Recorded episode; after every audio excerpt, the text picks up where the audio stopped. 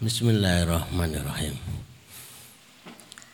Assalamualaikum warahmatullahi wabarakatuh. Alhamdulillah. Nahmaduhu wa nasta'inuhu wa nastaghfiruh wa natubu ilaih. Wa na'udzu billahi min syururi anfusina min sayyiati a'malina.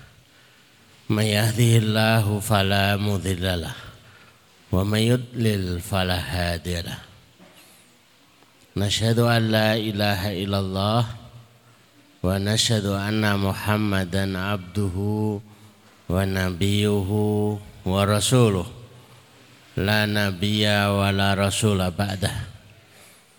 اللهم اشرح صدورنا wa tazawwad an nah wahab lana fahmal anbiya wal mursalin.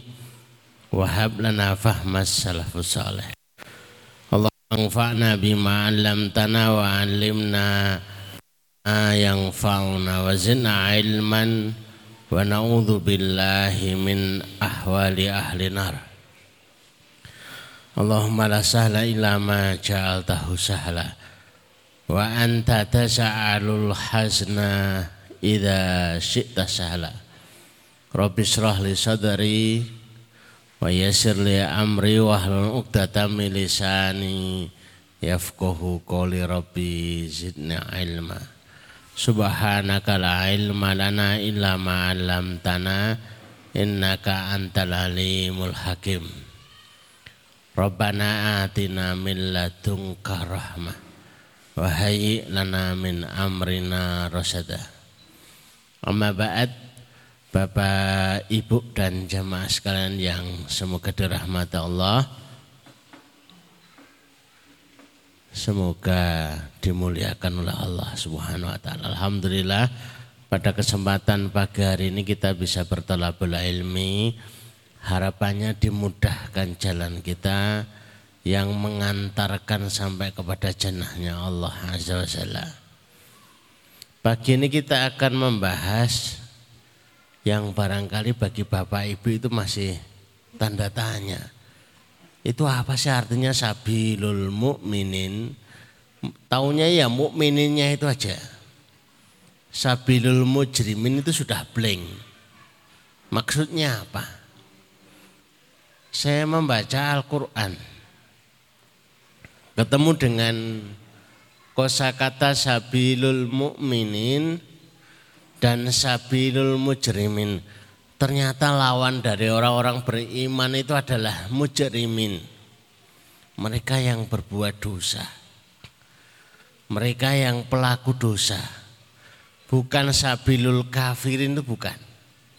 Tapi sabilul mujrimin. Walitas tabina sabilul mujrimin. Itu surat Al-An'am ayat 55. Tapi untuk menyingkat pertemuan kita karena memang materi kita lumayan banyak gitu ya. Sabilul mu'minin dan sabilul mujrimin kita lihat slide selanjutnya.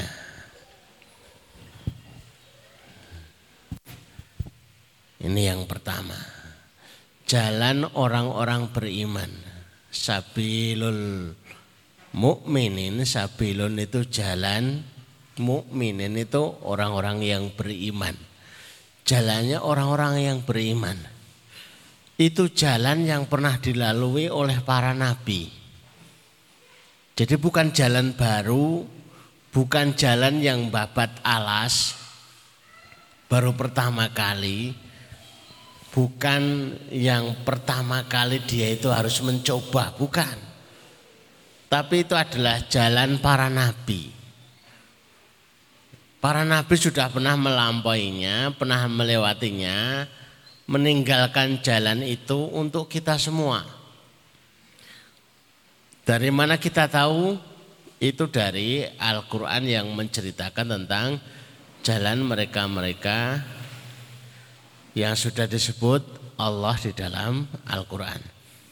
Yang kedua adalah jalan para sidikin. ma'al anbiya wasiddiqin mereka-mereka yang sangat-sangat membenarkan membenarkan antara zahir dengan batinnya membenarkan apa saja yang dijanjikan Allah kepadanya kalau Allah berjanji bahwa dengan metode ini akan bertemu solusi, maka dia itu yakin. Kuota yakinnya itu melampaui kuota percayanya. Yakinnya sudah di hati, sudah terpartri di dalam hati, yakin beneran. Yang kemudian juga jalan para suada. Itu sekaligus kriteria di bawahnya para sidikin itu adalah suhada. Orang-orang yang percaya kepada Allah kemudian ingin membuktikan minal mu'minina di antara orang-orang beriman itu ada yang rijalun para lelaki sodaku ala mahadamullah. Yang diberikan petunjuk Allah itu dia itu percaya. Sodako mempercayai apa saja yang dijanjikan Allah kepadanya. Faminhum man nahbah. Ada yang dalam rangka proses mempercayai apa yang difirmankan Allah itu ada yang habis-habisan. Bukan hanya harta yang kehabisan, bukan hanya tenaga yang habis, tapi sampai nyawa yang dikorbankan. Wamin huma yang tadir, ada yang nunggu-nunggu. Allah itu mau ngasih, Allah itu mau pakai harta saya kapan? Allah itu mau ngasih tenaga, mau pakai tenaga saya kapan? Allah itu mau pakai waktu luang saya itu kapan? Dia bersiap-siap menunggu kapan akan dipakai, hanya menunggu instruksi saja. Wama badalu tabdilah dan tidak mau mengganti. Ngerubah akad aja nggak mau. Pokoknya dia itu ingin hanya menunggu kalau diperintahkan Allah gunakan harta, dia gunakan harta. Diperintah Allah gunakan tenaga, dia gunakan tenaga. Wama badalu tabdila. Dia tidak akan mengganti. Komitmennya, transaksinya, niatannya, dia itu ingin mengorbankan harta, mengorbankan tenaga, sekaligus mengorbankan nyawanya. Dan itu ada di jalan orang-orang yang bertakwa orang-orang yang beriman. Sabilul mukminin. Mari kita lihat slide yang kedua. Ini bedanya. Kalau sabilul mukminin itu adalah jalan para nabi, jalan para sidikin, jalan para syuhada, juga jalan para as-salihin, orang-orang saleh. Sabilul mujrimin itu jalannya orang-orang yang berbuat dosa. Orang yang nggak mau ngerti, mau menuju ke mana. Boleh jadi itu adalah jalannya adalah gayanya orang-orang kafir. Boleh jadi itu adalah orang-orang fasik. Boleh jadi orang-orang munafik dan boleh jadi orang-orang mufsidin. Pengennya buat kerusakan sesuatu yang menjadi kebanggaan itu membuat kerusakan ya. Sabilul mujrimin itu jalan orang-orang yang pendosa. Mereka yang soleh dan mereka yang berdosa itu dipertemukan oleh Allah. Mereka yang ada di neraka itu bisa berbicara dengan mereka yang ada di surga. Mereka yang di neraka bertanya, malakum sakor. Kenapa kamu kok bisa masuk ke dalam sakor itu kenapa? Itu tokso yang paling monumental. Surat Al-Qalam, malakum fi sakor. Kok bisa-bisanya jenengan itu kok disakor? Kok bisa-bisanya singgah di sini itu kenapa? Maka kemudian dia menjawab, Qalu lam nakum minal musallin Ya saya dulu itu enggak enggak sholat.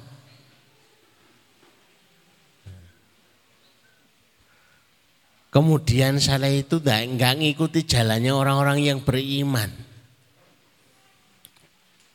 Kami itu selalu hanya dalam kekafiran kami. Dalam kefasikan kami. Hanya dalam kemunafikan kami. Hanya dalam kerusakan yang ada pada kami menjadi mufsidin yang ada ini. Kemudian hatta atana yakin sampai datangnya hari kiamat. Sampai datangnya kematian itu tidak diberikan kesempatan untuk bertaubat. Kemudian mereka itu berada di sakor. Yang sakor itu diceritakan la tubqi wa. Tidak ada yang tersisa. Mereka yang masuk ke dalam neraka sakor, begitu masuk itu langsung hangus tanpa sisa. Langsung hilang. Hangus tanpa sisa. Mengerikan sekali. Yuk kita lihat yang ketiga setelah kita lihat sabilul mukminin sabilul mujrimin kemudian jalan mukminin. Ini akan ketemu dengan beberapa episode di dalam kehidupannya yaitu jalan keimanan. Akan ketemu dengan jalan amal soleh. Akan ketemu jalan pembuktian amal.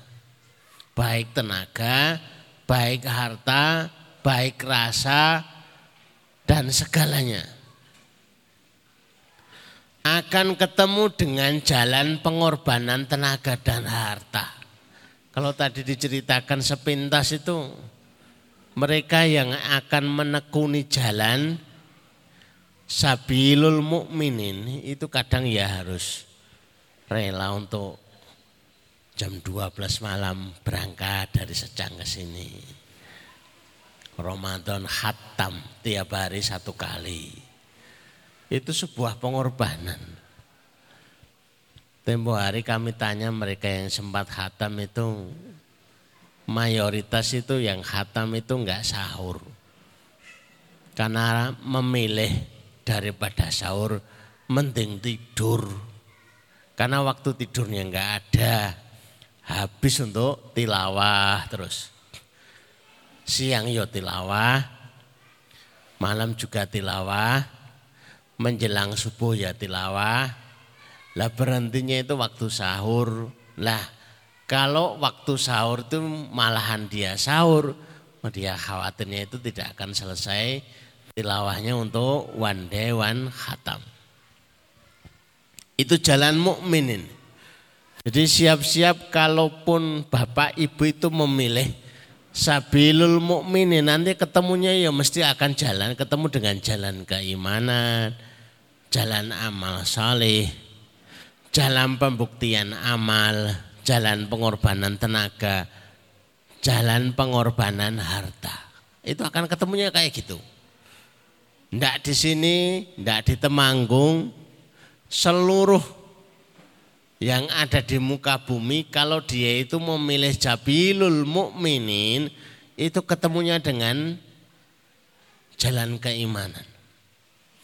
Kalau ketemu jalan keimanan, nanti mesti keimanannya itu akan mengajak dia untuk amal soleh. Kemudian ngajak untuk pembuktian amal. Ngajak untuk pengorbanan tenaga. Ngajak untuk pengorbanan harta. Itu sudah otomatis. Kalau Bapak Ibu berangan-angan. Saya itu pengen berada di dalam sabilul mukminin, tapi yang paling enak tidak ada. Pengen berada di jalan mereka yang beriman, tapi pengennya santai-santai saja, itu nggak ketemu jalannya. Jangan-jangan kita salah rute, salah jalan, atau bukan jabilul mukminin, tapi itu sabilul mujrimin, tapi kita nggak mengenali, tidak merasakan. Yuk kita lihat kemudian sabilul mukminin jalan orang-orang beriman itu minimal ada enam jalan. Yang pertama mereka itu sholatnya khusyuk. Alladzina hum fi sholatihim khosyi'un. Mereka yang disebut sholatnya khusyuk itu adalah harus sholat, seneng sholat. Masuk tenggelam dalam urusan sholat.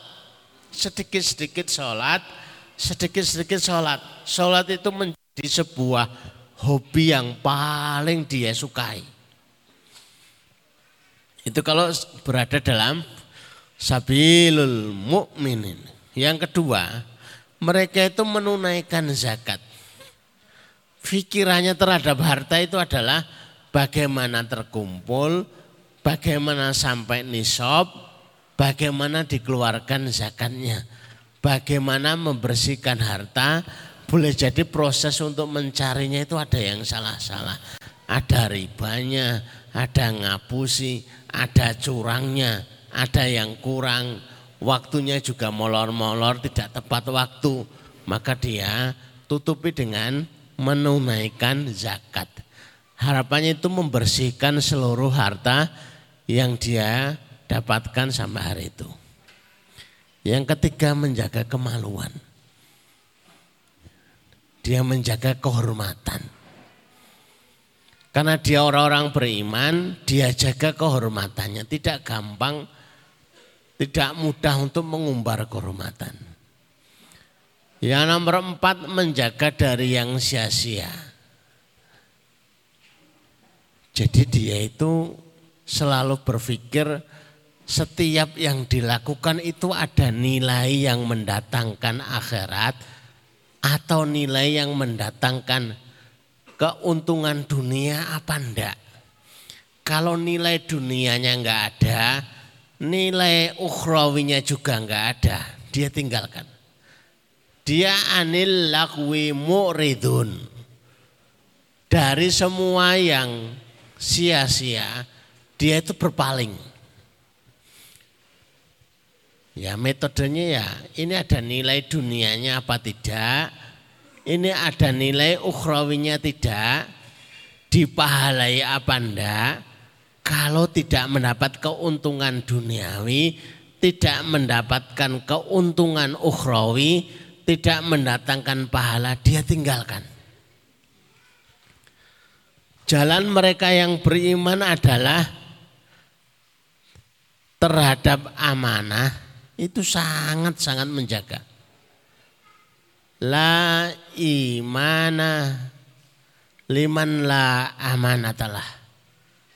Iman seseorang itu tidak disebut sempurna dia kecuali dia itu menyempurnakan amanah.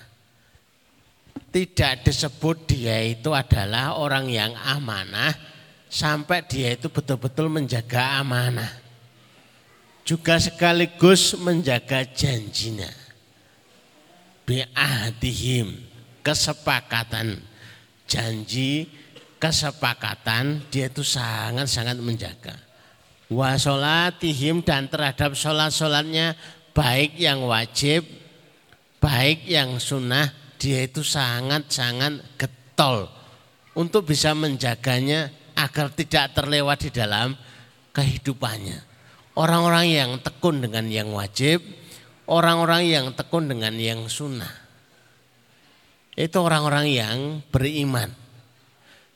Ini jalannya orang-orang yang beriman itu ya kebiasaannya begini.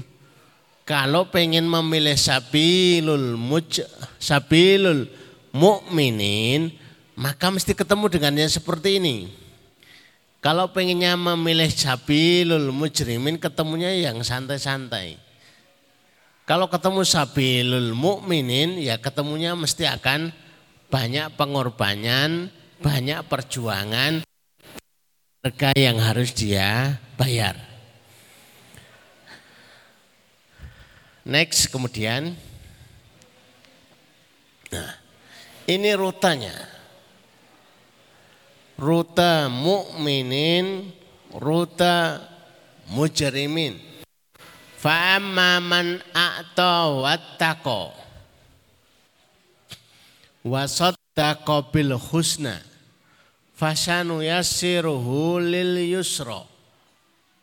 Adapun mereka-mereka yang memberikan hartanya di jalan Allah akto. Dikit-dikit itu suka ngasih. Pengajian yo ngasih. Di masjid waktu Jumatan yo ngasih.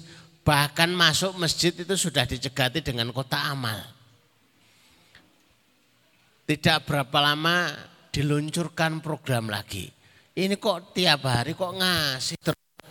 Kapan selesainya? Enggak ada selesainya. Selama masih ada kehidupan, selama masih ada kesempatan dia itu ingin akto, wattako, dan dia bertakwa. Merasa butuh dengan Allah Azza wa Jalla. Karena dia itu butuh dengan Allah, dia butuh dengan sholat, butuh dengan tilawah, butuh dengan sholat-sholat yang sunnah. Wasaddaqa bil dia juga membenarkan yang dijanjikan oleh Allah. Kalau Allah berjanji akan mengganti, ya diganti. Dia percaya. Kalau Allah berjanji akan dilipatkan sepuluh kali lipat, dia percaya. Kalau Allah berjanji akan dilipat gandakan 700 kali lipat, dia percaya.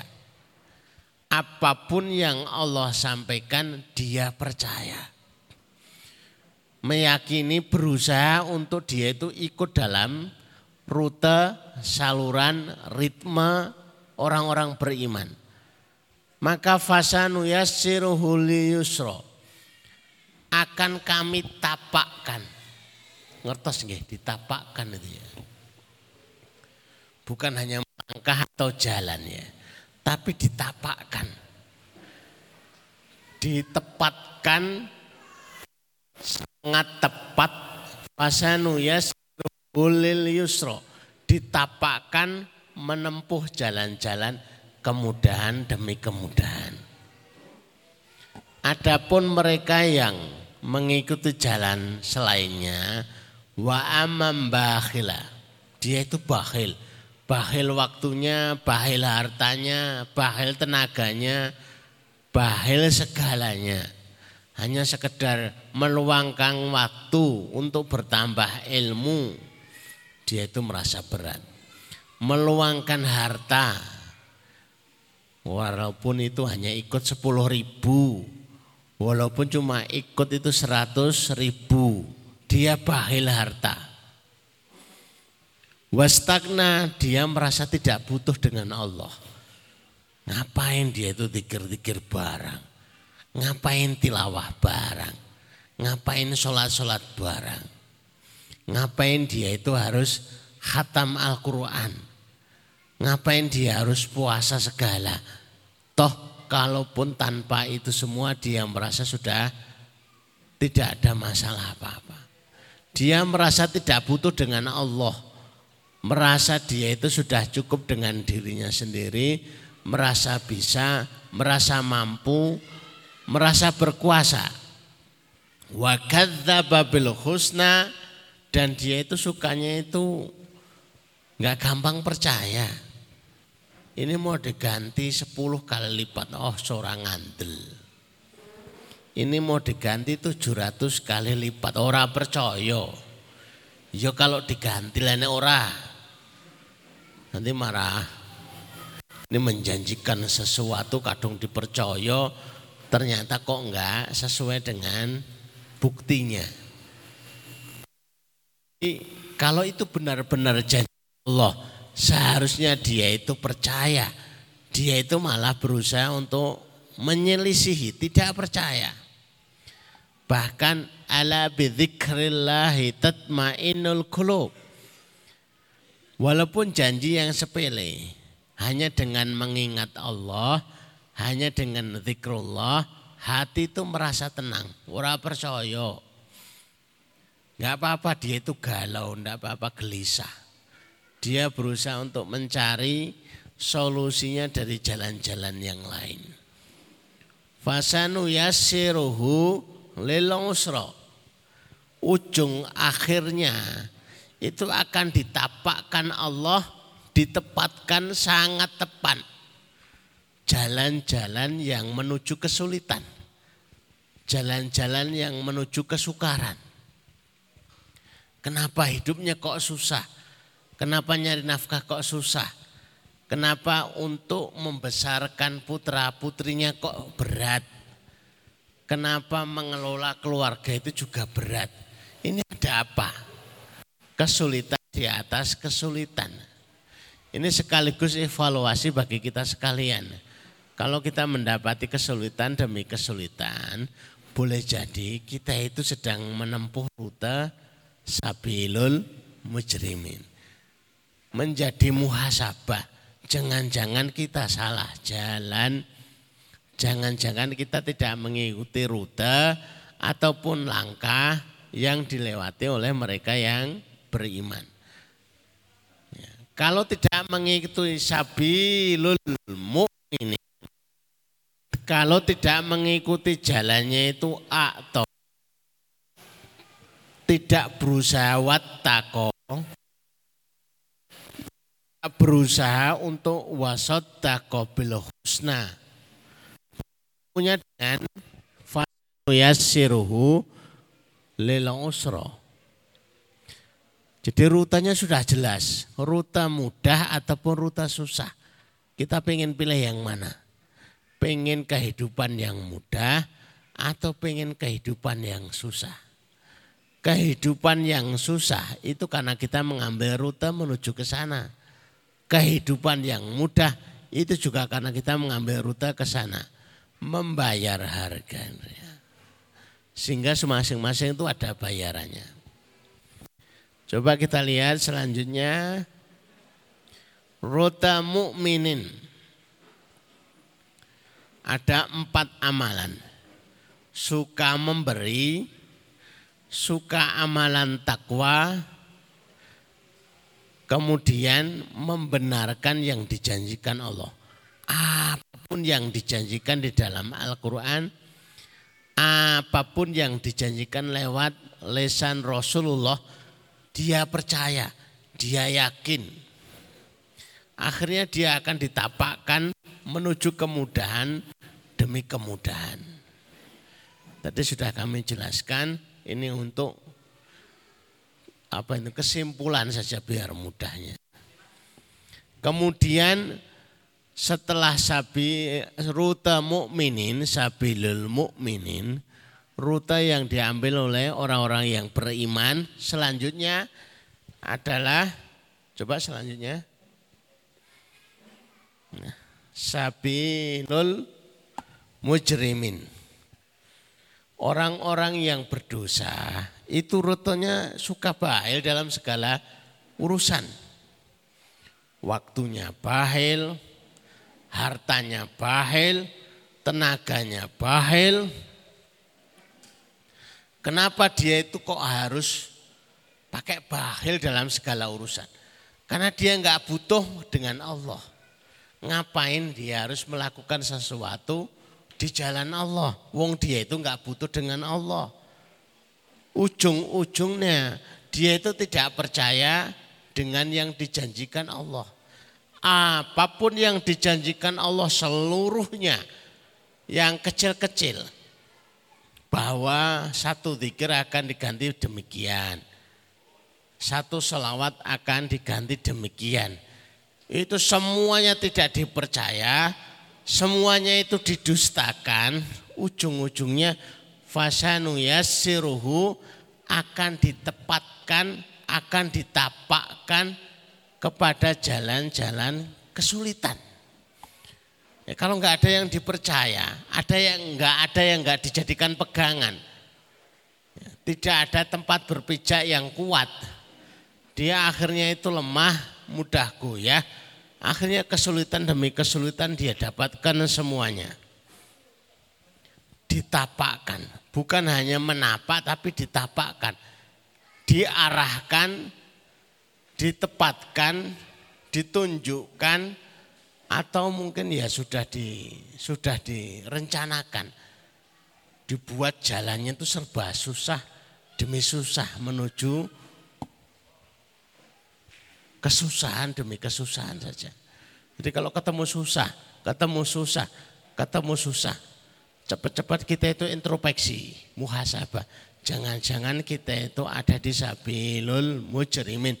Segera berpindah, segera berganti. Paling tidak sebagian menana tadi yang diceritakan, coba diperbaiki sholatnya. Jangan-jangan sholat pun tidak. Jangan-jangan ikut di dalam kajian pun tidak. Jangan-jangan bertambah ilmu pun tidak. Jangan-jangan bergaul dengan orang soleh pun tidak. Bagaimana akan mendapatkan perbaikan demi perbaikan? Bagaimana akan diperbaiki oleh Allah? Jalur kehidupannya, rute kehidupannya akan berubah dari mana kalau tidak dia menuju proses-proses yang dia itu diantarkan menuju kemudahan demi kemudahan. Yuk kita lihat surat ya ini sabilul mujrimin. Zaharal fasadu fil barri wal bahri bima kasabat aidian nas tampak kerusakan di daratan, di lautan, itu sebab perbuatan manusia. Kalau daratannya itu adalah rusak, bahkan lautannya itu hasilnya tidak signifikan. Dulunya itu dari nah itu bagus, dari punya ikan itu bagus kok berkurang ini kok malah menjadi nelayan tangkapannya semakin menurun. Zaharal fasadu fil barri wal bahri bima kasabat aidian nas. Kalau ada kerusakan kelihatan di daratan, kelihatan di lautan, itu sebabnya adalah aidian nas, tangan-tangan manusia yang tujuannya liudhi kohum ba'dalladhi amilu la'allahum yarjiun. Agar mereka itu merasakan dampak dari perbuatannya. Kemudian kembali lagi obat, kembali lagi menuju Allah, yarjiun kembali ke jalan Allah. Jadi kalau dia itu sempat salah jalan, sempat salah pilih jalan, mengikuti sabilul mujrimin, dia segera kembali mengikuti sabilul mukmin. Siru fil ardi fangduru fakana akibatul ladzina min qabli min qablu kana aktsaruhum musyrikun maka lakukanlah, berjalanlah di muka bumi dan lihatlah bagaimana dampak akibat yang ditemui oleh mereka yang sebelumnya itu banyak menebar kesyirikan. Hasil akhirnya itu sudah nyata. Hasil kesudahnya sudah nyata. Apakah seperti itu jalan yang akan kita ikuti? Tidakkah itu cukup untuk menjadi pelajaran? Berhentilah. Tinggalkan jalan itu, kembalilah ke jalan sabilul mukminin yang mengikuti beberapa aturan-aturan orang-orang yang beriman. Kemudian ini surat Al-An'am ayat 55. Kalau Bapak Ibu ngelihat itu ketemu dengan istilah sabilul mujrimin. Wa kadzalika nufassilul ayat walitas tabina sabilul mujrimin. Dan demikianlah kami terangkan ayat-ayat Al-Quran supaya jelas jalan orang-orang saleh dan supaya jelas pula jalan orang-orang yang berdosa. Jadi sudah disebut langsung sabilul mujrimin, sabilul mukminin itu sudah dinyatakan dengan jelas agar kita itu memilih sabilul mukminin agar kita menjauhi sabilul mujrimin, agar pilihan kita tidak salah, jalan kita itu jelas. Inilah jalan mereka yang beriman. Isinya ya ketemu dengan amal batu urusan yang urusan iman, amal soleh, kebaikan demi kebaikan. Ya tidak perlu kita itu merasa bosan, merasa jenuh, merasa tidak betah, merasa lelah. Karena itu memang akhir kesudahannya seperti itu. Resiko dari pilihan menuju jasabilul mukminin jalan orang-orang yang beriman. Coba setelahnya akhir kesudahan mukminin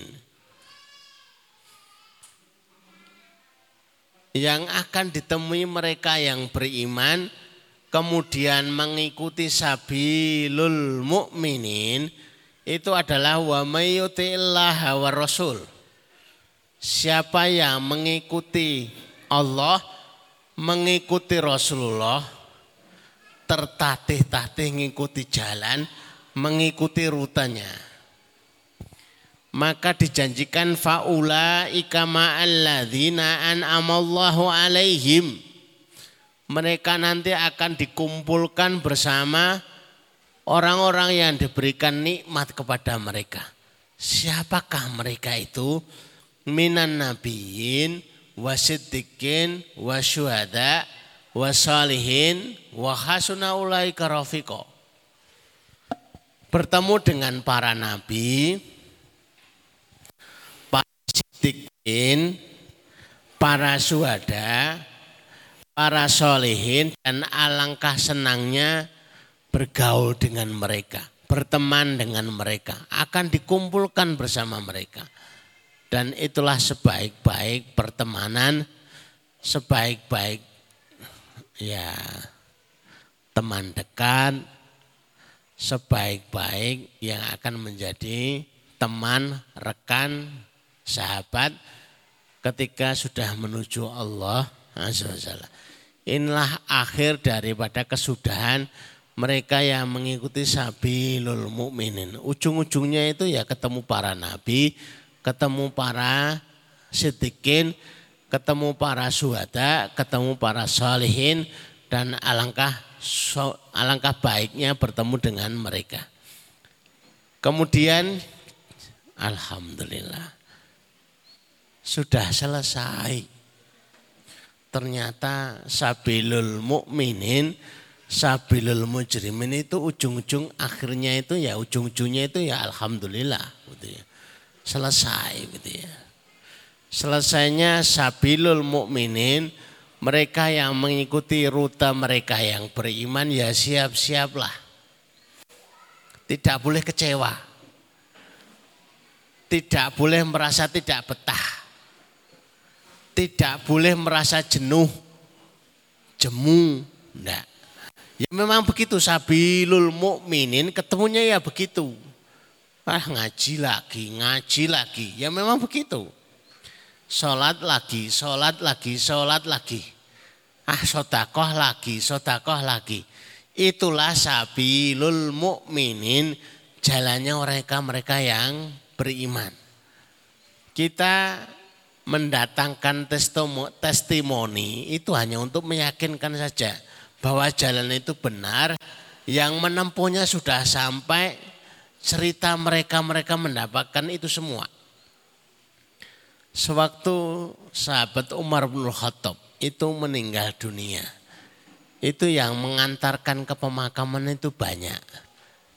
Dengan izin Allah, rata-rata yang ikut ke pemakaman itu bermimpi bertemu dengan sahabat Umar bin Khattab. Penasaran. Mereka bertanya kepada sahabat Umar bin Khattab, bagaimana nasibmu? Jawabannya Allah mengampuniku. Lah kok bisa diampuni itu kenapa?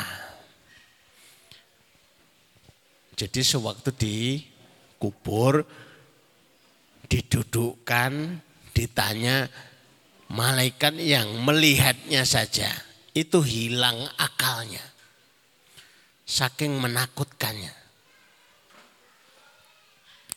Nyaris-nyaris menyerah. Itu sahabat Umar Khattab loh ya. Yang kalau secara fisik tuh sangat luar biasa. Itu aja ngeri ketemu dengan malaikat penjaga alam kubur ketika didudukan tuh nyaris-nyaris hilang akalnya. Kemudian gara-gara ngelihat dia itu nolong seekor burung. Seekor burung masih anak anakan itu diminta kepada anak yang sedang mainan burung. Tolong dikasihkan. Tidak dikasihkan. Ya sudah, tak beli.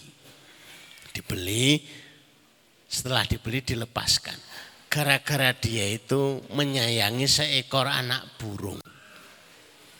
Mengasihani, menyayangi, Allah menyayanginya juga. Sayang binatang ternyata itu berdampak luar biasa menyebabkan Allah sayang kepadanya. Karena sebab dia disayang Allah, dia diampuni segala kesalahan-kesalahannya, diampuni segala kekurangan-kekurangan yang ada. Demikian Bapak Ibu yang semoga dirahmati Allah, kajian kita pada pagi hari ini mudah-mudahan mendapatkan ilmu yang membekas pada kita, bukan hanya sebatas ilmu yang lewat gitu ya. Mendengar terus kemudian keluar lagi. Ilmu yang lewat dengan ilmu yang membekas itu beda. Kalau lewat saja itu belum membekas. Mung krungu. Krungu lali, nah itu lewat saja. Saya pernah dengar itu kok. Saya pernah dengar kok. Tapi cuma lewat. Tidak pernah mampir, tidak pernah membekas. Tapi kalau membekas itu terkesan banget. Berusaha ingin diamalkan tidak disebut ilmu kecuali dia itu berusaha untuk mengamalkan. Sebagaimana pohon, sama-sama pohon. Tapi kalau pohon itu kalau yang punya buah, itu lebih berkesan daripada sekedar pohon. Rumput itu sekalipun menghijau, banyak yang seneng.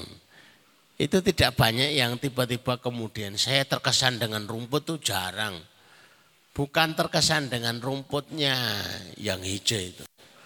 Tapi hanya ini di, ditanami rumput begitu saja.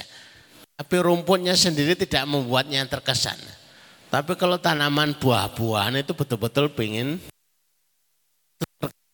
sangat pengen punya memori yang luar biasa kepadanya. Demikian mudah-mudahan bermanfaat yang kita yang kita kaji pada kesempatan pagi hari ini. Mudah-mudahan bermanfaat. Aku kali hadan astaghfirullah li walakum. Kita akhiri dengan subhanakallahumma rabbana wa bihamdika asyhadu an la ilaha anta astaghfiruka wa atubu ilaik. Assalamualaikum warahmatullahi wabarakatuh.